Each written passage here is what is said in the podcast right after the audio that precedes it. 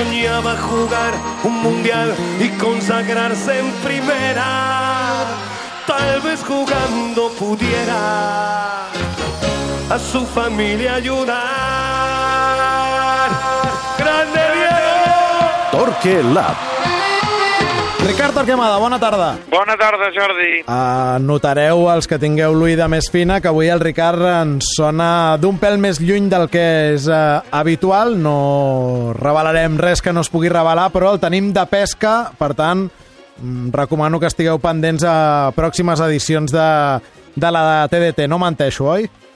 No menteixes, el parlem de futbol amb t'he ocupat una, unes hores o uns dies. Molt bé. Eh, jo et veig presentant algun programa de TV3 d'aquests que busquen catalans pel món, però, però de moment no deixarem a, a la TDT. Ricard, avui, com et pots imaginar, eh, encara que sigui en la distància, la preocupació ens eh, porta a l'eix de la defensa amb aquesta lesió de recorregut mitjà de Vermaelen, de recorregut indefinit de de Samuel Umtiti, per tant amb Piqué i amb l'Englé com a únics eh, centrals sants ara mateix.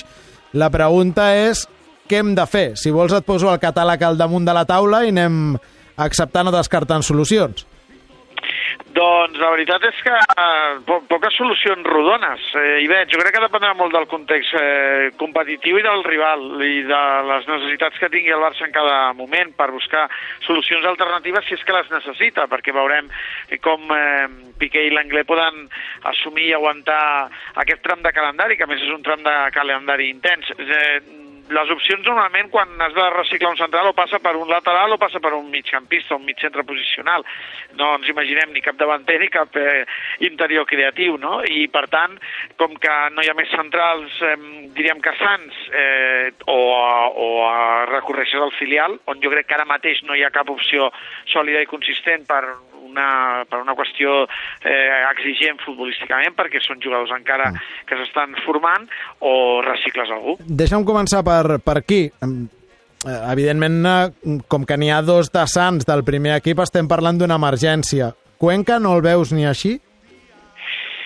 Jo, la veritat és que jo... El, ho, dic, no... ho dic, Ricard, perquè és aposta de club, eh? No, sí, el filial no, no el segueixo regularment com per com per saber el nivell de maduració de Cuenca. Eh, amb, ara mateix les úniques referències que tinc són les de la gira, eh, i a la gira, quan van jugar, els dos centrals van patir, sí. van patir molt defensivament. El Barça va tenir fins i tot partits controlats, estem parlant de referències amistosos eh, en una gira, eh? però sí que vaig tenir la sensació que, que sobretot Cuenca era un jugador amb moltes possibilitats, perquè és un esquerrà, perquè té bona sortida, perquè és un jugador eh, diguem que amb cos per defensar, però que encara està en etapa de formació, perquè a més ens, ens referim a un tram de calendari que ara és molt exigent, no és un tram de calendari fàcil.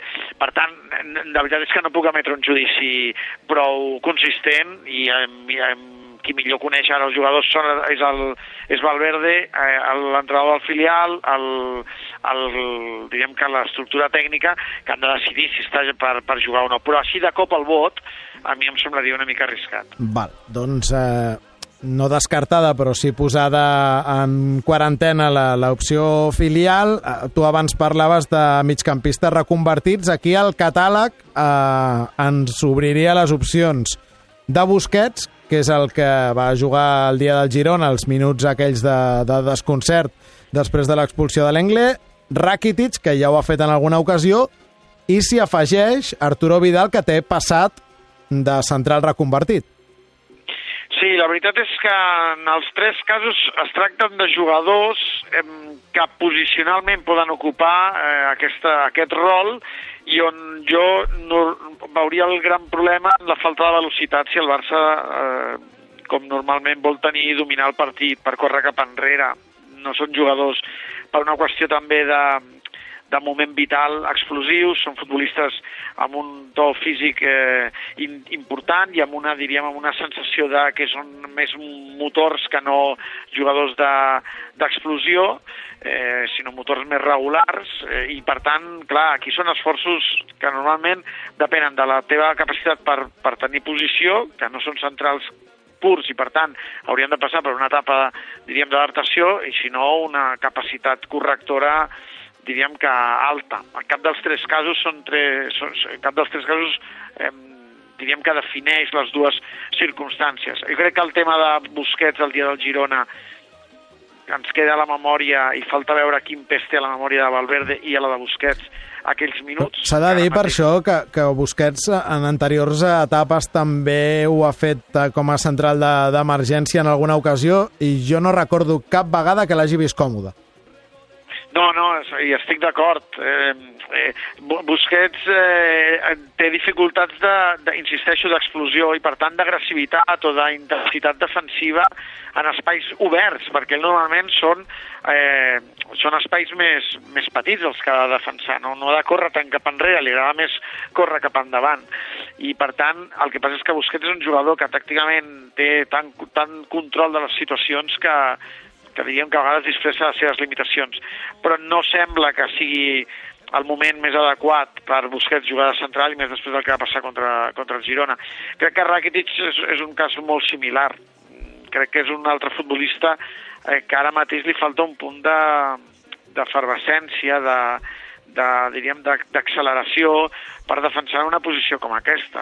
Estem parlant d'una posició clau, fonamental i molt difícil d'ocupar el Barça. A l'Anglès li passa una mica el mateix, eh? quan ha de córrer cap enrere pateix, però clar, és un central que domina molt més, diríem, eh, aquell, mm. aquest, aquest tros de camp, aquest, aquest ofici. Si no ens I el fiem, cas Vidal... Si no ens jo, fiem de l'Anglès, pleguem.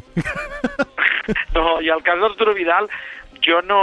Jo, a mi em sembla que la seva evolució futbolística l'ha allunyat d'una mm. posició com aquesta. És un futbolista que necessita eh, tenir possibilitats per desplegar-se, tenir espais, però per córrer cap endavant. És veritat que està, està capacitat per fer esforços defensius, però tampoc em sembla que, que no, vaja, em costa veure en aquesta, en aquesta situació, sobretot perquè estem parlant d'una fase de calendari que serà curta i que per tant han de ser jugadors més, a, més adaptats al moment. Jo, jo t'incorporaré dos noms ah, sisplau. al, al debat que, que, com, que no, com que a mi no em surt cap opció rodona, cap d'aquestes dues probablement serà tampoc rodona, però tinc la sensació que poden entrar, eh, que són eh, Sergi Roberto i Semedo.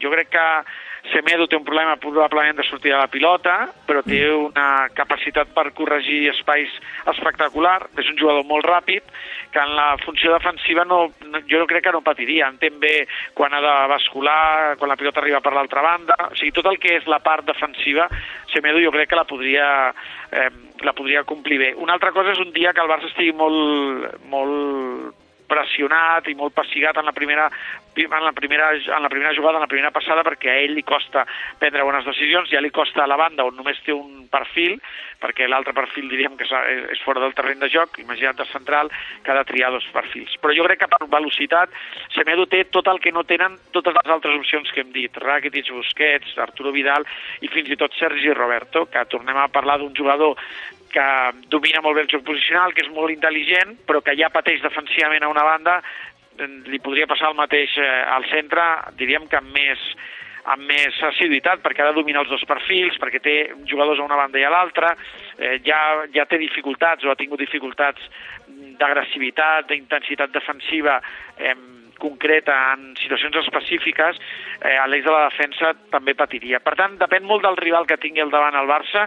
Jo crec que hauria de, Valverde hauria d'utilitzar una opció o altra. Hauria de marcar una, diríem, de migcampistes, una prioritària, i jo l'opció Semedo la valoraria. Mm, Ricard, ara que parles de, de Semedo, de Sergi Roberto, laterals que reconvertiríem a centrals, a mi ve el cas que vam viure la temporada passada amb Diny, i et faré la pregunta que no voldria mai, Costa, que, fes, eh, que fos no, feta en no, aquest no programa. La facis, no la, no sí. la facis. Eh, creus que ara ens aniria bé dins? Sí, home. Sí, ara trobarem, el trobes a faltar, ara, ara Ricard? A faltar el trobes a faltar? No, no. Jo crec que estem parlant d'una situació molt provisional i que és veritat que si mirem enrere no sé què passa amb els centrals, que mm. són jugadors molt castigats per les lesions. I no només al Barça, aquest estudi m'agradaria ampliar-ho al futbol europeu, a grans del futbol europeu, on normalment amb tres centrals i a vegades fins i tot amb quatre pateixen perquè han de reconvertir futbolistes en aquesta posició cada temporada.